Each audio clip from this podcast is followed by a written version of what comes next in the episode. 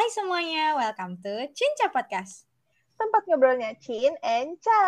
Abis ini kita bakal bahas cara menghadapi quarter life crisis. Yuhu. Yang pertama adalah di sini dibilang kalau kita tuh harus mulai bisa berhenti membandingkan diri sendiri dengan orang lain. Nah, itu sebenarnya kayak easier said than done sih sebenarnya. kayak Bener. semua orang tuh bilang ya udah nggak usah ngebandingin diri sendiri sama orang lain. Ya emang Hmm. Cuman susah aja gitu untuk dilakukan sulit gitu. Cuman em, kalau dari Incam sendiri kita tuh bisa berhenti membandingkan diri sendiri sama orang lain tuh dengan mulai berpikir kalau eh, garis start kita sama orang lain tuh beda. Misalnya aja sih aku udah sampai udah punya pekerjaan yang stabil atau finansialnya udah stabil ya mungkin ketika kita masih santai-santai dia di situ udah mulai duluan gitu loh. Jadi ya Oh iya. That's why dia udah sampai ke tujuannya duluan gitu loh. Dan dan apa namanya kita juga harus nanamin mindset kalau misalnya apa yang dipost di sosmed orang itu yang bagian enak-enaknya aja gitu kan. Betul. di balik postingan pencapaian orang lain pasti ada struggling yang luar biasa gitu. Nggak mungkin dong orang udah apa orang tuh pasti ngepost di sosmed tuh pas udah lulus sidang skripsi dong. Nggak mungkin pas dia nangis nangis ngerjain skripsi ngejar ngejar di update di sosmed tuh nggak mungkin ya kan Atau mungkin yang misalnya kayak kalian lihat temen yang oh, tiba-tiba dia nikah aja nih terus jalannya mulus baru ketemu sebentar udah nikah lah. Kita nggak tahu mungkin sebelum-sebelumnya dia pernah mengalami patah hati yang sangat dalam. kan kita juga nggak tahu iya, gitu kan. benar. Nah, dan kembali Iya. lagi konsep rezeki gitu. Rezeki itu tuh bener-bener nggak pernah ada yang tahu. Karena rezeki itu ya konsepnya tuh gini, kalau misalnya emang dia udah waktunya nggak bisa kamu Hmm. Tapi kalau belum waktunya kamu mau kejar-kejar kayak apa juga nggak bisa gitu. Oke, yang kedua. Yang kedua di sini ditulis mulai catat rencana hidup, baik itu jangka panjang maupun jangka pendek. Kalau aku mungkin as simply as setiap mulai tahun baru, aku tulis beberapa nggak kayak goal, bukan goal sih, mungkin kayak keinginan atau rencana rencana di dalam tah satu tahun itu gitu. Bukan apa-apa, tapi biar aku tuh punya punya jalan loh, punya arah. punya Sebenarnya maps punya maps punya ya satu tahun ini tuh aku mau dibawa ke mana, mau mau ngapain aja gitu. sebenarnya mencatat rencana hidup baik itu jangka panjang maupun jangka pendek bisa sih dilakukan walaupun uh, ujung-ujungnya nanti berubah lagi karena yang kayak tadi kita bilang Hmm. banyak rombakan nih ya rencana-rencana lima tahun ke depan misalnya kita nggak tahu nih Mm-mm. dalam dua tahun aja kita nggak tahu bakalan jadi apa apalagi lima tahun ke depan gitu cuman ya nggak apa-apa karena hidup ini tuh perlu rencana guys karena kalau Mm. eh, misalnya nggak ada rencana ibaratnya kita naik mobil tapi kita nggak tahu mau ke mana Kita ngabisin bensin terus juga ngabisin waktu nggak tahu mau ke mana gitu. kalaupun misalnya kita mau ke tempat A eh tapi ternyata di tengah jalan bensinnya habis ya nggak apa-apa gitu. Bisa isi bensin dulu atau misalnya kita punya backup plan oh kita ke sini aja deh gitu. Yang penting kita udah ada tujuan awalnya. Daripada kita muter-muter nggak jelas kalau misalnya kita berjalan tanpa tujuan kita makin bingung nih kita mau ke mana gitu. At least kalau misalnya kita udah punya rencana yang kita tulis kita jadi bisa nge-breakdown itu jadi langkah-langkah apa yang harus kita lakukan untuk menuju ke sana gitu Iya, makanya aku pernah ada orang yang bilang, "Em, aku sih nggak pernah punya apa namanya punya goal setiap tahun baru karena ya udahlah hidup mah berjalan aja seperti seperti air gitu. Kalau aku sih agak kurang setuju ya karena sekecil apa pun di saat kamu punya keinginan itu kamu jadi tahu arahnya kamu tuh mau ngapain, tujuannya tuh mau ke mana gitu. Tuh betul sekali Terus yang ketiga nih siapa? Yang ketiga yaitu temukan orang dan lingkungan yang bisa mendukung kita. Jadi kita bisa cari orang yang ngasih yang bisa ngasih energi positif, semangat dan inspirasi agar kita nggak ngerasa sendiri. Nah, di sini ada apa ya istilah yang lumayan familiar katanya Mhm, kalau misalnya mhm. semakin kita dewasa circle pertemanan kita tuh semakin kecil. Nah, terus gimana dong caranya Hmm. nemuin orang dan lingkungan yang bisa ngedukung kita atau yang bisa ngasih energi positif? Sebenarnya ya nggak harus dari teman atau keluarga terdekat kalau misalnya nggak ada ya. Ini aku nggak punya teman deket yang bisa ngasih energi positif atau yang ngedukung. Malah semuanya jadi kayak adu nasib nih kalau misalnya kita lagi cerita gitu kan. Nah, ya, Oh jadi iya. sebenarnya nggak harus dari teman atau keluarga terdekat sih.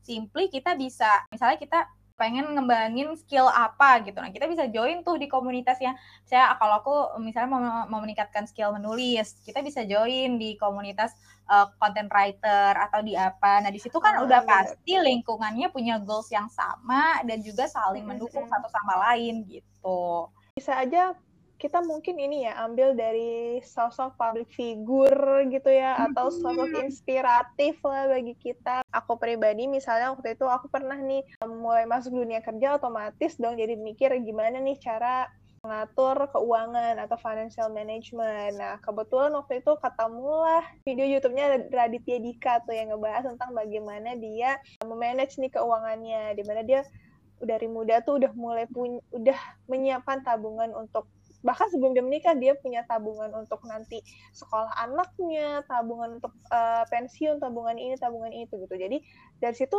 juga wah terinspirasi ini aku gitu kan. Akhirnya aku juga coba mulai browsing cari gimana sih cara mengatur keuangan misalnya untuk fresh graduate untuk yang baru pertama kali kerja gitu. Jadi kalau hmm. misalnya memang sekitar kita tuh nggak ada orang yang mungkin bisa membawa energi positif, nggak ada salahnya sih kita mungkin cari public figure atau sosok-sosok yang inspiratif gitu. Buat atau mencari lingkungan baru yang bisa ngedukung kita gitu. Jadi kayak nggak ada alasan lah buat nggak bisa nyari orang yang bisa ngasih energi positif karena di masa-masa kayak gini nih uh, di sini tuh ditulisnya penting banget nih Cam untuk menghindari memendam perasaan sendirian. Karena kayak hmm. tadi udah dibahas di atas saat-saat kayak gini cenderung nih kita untuk merasa sendirian atau kesepian gitu kan. Jadi kalau misalnya ada teman nih untuk berbagi nah itu sangat beruntung sekali gitu Iya betul. Atau kalau misalnya nggak ada teman untuk berbagi, kayak kita yang udah kita bahas di podcast sebelumnya, bisa dengan cara menulis. Ah iya betul. Mengeluarkan, yang penting perasaannya dikeluarkan gitu, nggak iya, dipendam. Iya betul. Uh, belum dengerin, dengerin episode satu, oke? Okay. Bagus juga nih hard sellingnya ya. oke okay, dong, iya dong harus gitu. Oke okay, lanjut. Nah tips terakhir dari sumber-sumber yang kita kutip adalah kenali dan cintai diri sendiri. Nah, ini juga sih.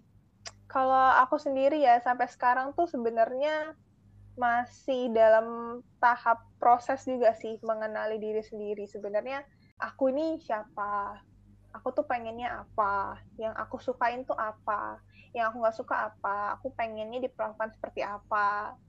Atau bagusnya aku tuh memperlakukan seperti apa? Masih semua sih masih dalam proses ya kalau aku. Kalau cara sendiri gimana nih? Menurutnya kenali dan cintai diri sendiri tuh gimana kalau versinya Nca? Kalau dari aku sih kayak gini, cintai diri sendiri tuh kayak udah jadi quotes-quotes yang mainstream gitu ya, kayak everywhere love yourself, love yourself. Sebenarnya definisi love yourself itu yang seperti apa? Perlakuan love yourself itu sebenarnya yang gimana? Soalnya banyak nih uh, love yourself lama kelamaan banyak dijadikan kedok untuk perlakuan-perlakuan yang tidak baik. Contohnya adalah boros berkedok love yourself gitu ya. Oh. Jadi kayak uh, banyak terjadi. Aku mau ngasih self reward aja ke diriku, tapi kok sering banget gitu loh ya kan. Jadi kayak impulsif, borosnya tuh berkedok self love yourself atau mm -hmm. mager. Mager tuh berkedok love yourself kan kata orang-orang we should take a break, tapi ya enggak terus-terusan. Jangan kebablasan ya. Bener, itu. Jadi kayak sebenarnya gimana sih mencintai diri sendiri itu kayak gimana? Nah, kalau dari aku sih as simply as jangan jahat-jahat lah sama diri kita sendiri. Be gentle on yourself gitu loh. Jadi ibaratnya kalau misalnya kita nggak mau diperlakukan A oleh orang lain ya jangan memperlakukan A juga ke diri kita sendiri gitu loh. Kalau misalnya ah. kita nggak tega ngomong A ke orang lain ya kenapa kita bisa tega ngomong itu ke diri sendiri? Misalnya kita lagi ngerasa sedih biasanya sering nggak sih ngomong kayak Allah kayaknya aku cuma baper doang deh. Atau aku kayaknya emang cuma lagi sensitif aja deh. Nah coba bayangin teman kamu ada yang sedih dan kamu ngomong kayak gitu. Misalnya dia temenmu ada yang sedih terus kamu ngomong gitu ke dia. Allah itu mah kayaknya cuma kamu doang yang baper. Kan iya. nggak iya. tega ya nggak tega ya. Nah kalau misalnya kita iya. tega ngomong kayak gitu ke orang lain kenapa kita tega ngomong kayak gitu ke diri kita sendiri gitu loh. Jadi menurut Cam sih mencintai diri sendiri tuh sesimpel jangan jahat-jahat dulu lah sama diri sendiri gitu. Terus kalau untuk mengenali diri sendiri ya itu mah kalau dari Cam sendiri ya learning by doing lah coba mulai aware, mulai aware sama kemampuan diri sendiri, jangan ngeremehin skills diri sendiri juga gitu loh. Dan jangan pernah takut untuk nyoba sih kalau kataku.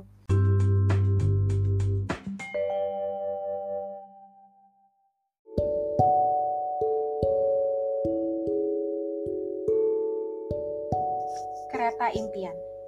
Sebelum kereta impian berangkat, kita memiliki sebuah kegembiraan akan tempat baru dan sedikit rasa takut.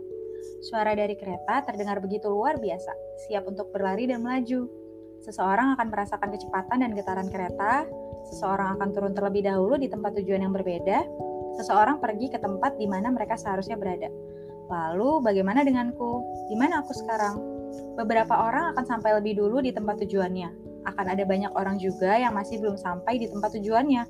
Untuk yang belum sampai di sana, tidak perlu merasa kecewa, karena ada banyak jalan yang ada di jalur kereta. Setiap orang sampai tujuan di waktu yang berbeda. Apa pun pilihannya, entah berhenti sampai sini atau terus maju ke depan, itu keputusan dari kita, bukan sang kereta.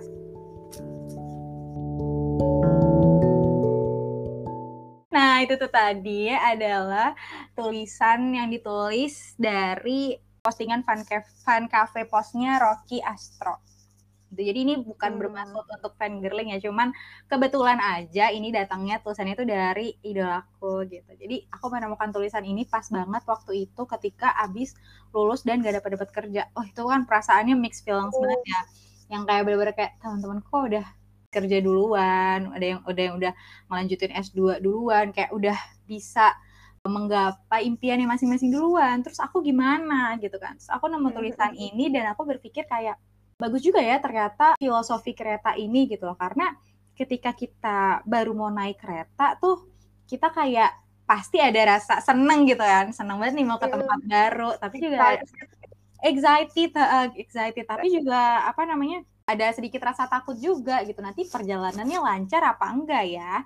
Nanti perjalanannya hmm. ada hambatan apa enggak ya? Apakah apakah keretanya delay? Udah kayak pesawat nih apakah keretanya oh, apakah tepat waktu apa enggak ya, ya gitu kan. tepat waktu atau enggak ya nah terus uh, apa namanya kata dia tuh jangan jangan khawatir kalau misalnya belum sampai di tempatnya karena kita sendiri kita itu bahkan di dalam kereta itu sendiri tuh kita punya tujuan tuh beda-beda gitu loh. Nah, karena tujuan kita beda-beda, jalur yang dilalui tentu pasti berbeda sama orang lain gitu kan. Nah, belum lagi di perjalanan itu biasa di kereta tuh ya ada goncangan-goncangan, ada getaran-getaran bisa aja teman kita yang udah sampai di tempat tujuannya duluan tuh ya emang karena dia udah berangkat lebih dulu daripada kita gitu loh. Di saat kita masih nunggu di ruang tunggu mereka udah berangkat gitu loh. Makanya ketika teman kita udah sampai di uh, tempat tujuannya ya kita nggak perlu ngerasa gimana gimana orang berangkatnya aja beda gitu loh. Tempat tujuannya aja pasti beda gitu ya kan. Nah, uh Terus kan juga kadang tiketnya beda gitu kan. Siapa tahu kita ekonomi di eksekutif nah, gitu. Nah, itu itu juga relate ya sama apa ya kayak kalau di real life-nya dikaitin sama privilege ya. Jadi ada yang dalam perjalanannya itu nyaman gitu ya karena dia milih hmm. misalnya dia bisa beli tiket bisnis tapi dengan apa kenapa kenapa dia bisa beli tiket bisnis ya karena juga dia juga bisa dia juga sebelumnya melalui struggle-struggle mungkin dia nabung dulu biar bisa Betul. Uh, beli tiket bisnis tiket ekonominya kita juga ngerasain pegel banget ya duduk berjam-jam gitu ya yeah. saya berguncang terus atau ininya nggak secepat kereta yang lain gitu jadi banyak lah faktor. ya Uh, ya sesimpel gini deh, sesimpel orang yang duduk di misalnya di ekonomi sama bisnis, ya jelas orang yang di bisnis itu membayar mahal. Lebih ya kan membayar lebih mahal. Ya bisa aja juga itu tadi mungkin effortnya dia tuh lebih gede daripada effortnya kita. Gitu kan bisa aja kayak kayak gitu. Aja kayak gitu. Makanya banyak banget faktor-faktornya dan ya inti dari podcast ini sebenarnya kita juga ngomong ke diri kita sendiri ya gitu. Kayak ini self talk nih sebenarnya. Gitu kayak. Kalau aku menggarisbawahi tadi kata-kata terakhir gitu kalau uh, kita mau ke mana atau ke, intinya keputusan itu tuh ada di tangan kita bukan tangan si kereta gitu ya. Jadi dalam kita menjalani atau menghadapi quarter life crisis ini itu tuh juga sebenarnya di tangan kita. Kita itu mau menghadapi ini sambil maksudnya sambil terlalu memperhatikan kehidupan orang lain atau membiarkan pencapaian orang lain itu mengganggu kita atau kita menikmati aja perjalanan yang lagi kita laluin gitu. Ya ya benar ya, benar benar banget benar banget. Uh, ya, ya. Karena itu tadi kita tuh bisa milih, kita bisa milih untuk kita menikmati aja atau membuat uh, pencapaian-pencapaian orang lain itu jadi jadi mengganggu prosesnya kita gitu loh. Kalau aku sih berharapnya diriku bisa menikmati aja sih proses ini gitu. Karena kayak udah kita ngomongin tadi itu semua ada porsinya semua ada waktunya dan rezeki nggak bakal ya, ke mana. Rezeki nggak bakal ke mana uh, iya tujuh karena tujuan orang tuh itu tadi tujuan orang tuh beda-beda gitu. Start kita juga beda gitu kan. Jadi semua itu pasti akan sampai pada waktunya tapi ketika perasaan-perasaan cemas, gelisah, insecure itu datang, itu juga nggak apa-apa gitu loh. Karena hidup hmm. itu tidak pasti itu, Bun ya. Kayak katanya si Nadine tuh, ah nggak usah deh, ntar kudu disensor lagi nih. jangan, jangan, jangan. Pokoknya hidup itu setidak pasti itu. Jadi ya wajar lah kita tuh cemas karena kita nggak tahu ke depannya apa yang akan terjadi. Jadi ketika perasaan-perasaan di quarter life crisis ini datang ya kita cukup menerima dan nggak usah denial, denial. Jadi oh iya, hmm.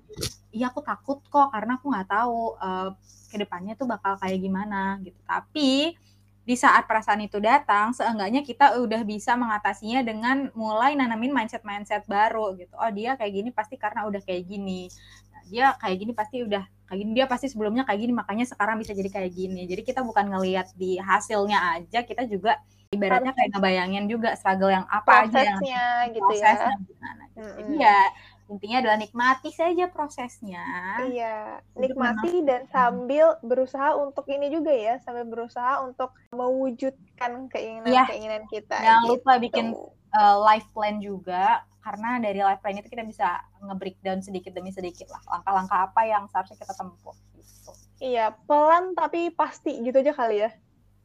Pelan yes. tapi pasti. Ya, so. makanya naik kereta pelan tapi lama-lama pasti ada tujuannya kok. gitu. Pasti pasti ada tujuannya gitu. Benar banget. Wah. Kayaknya sampai di sini aja ya curhat-curhatnya kita nih tentang quarter yeah. life crisis. Bukan podcast ini mah curcol. Eh, curcol ini mah ya. Um, semoga bisa apa ya bisa jadi bermanfaat juga bagi yang dengerin tetap bisa jadi pengingatnya kita juga and see you di episode selanjutnya bye bye, bye, -bye.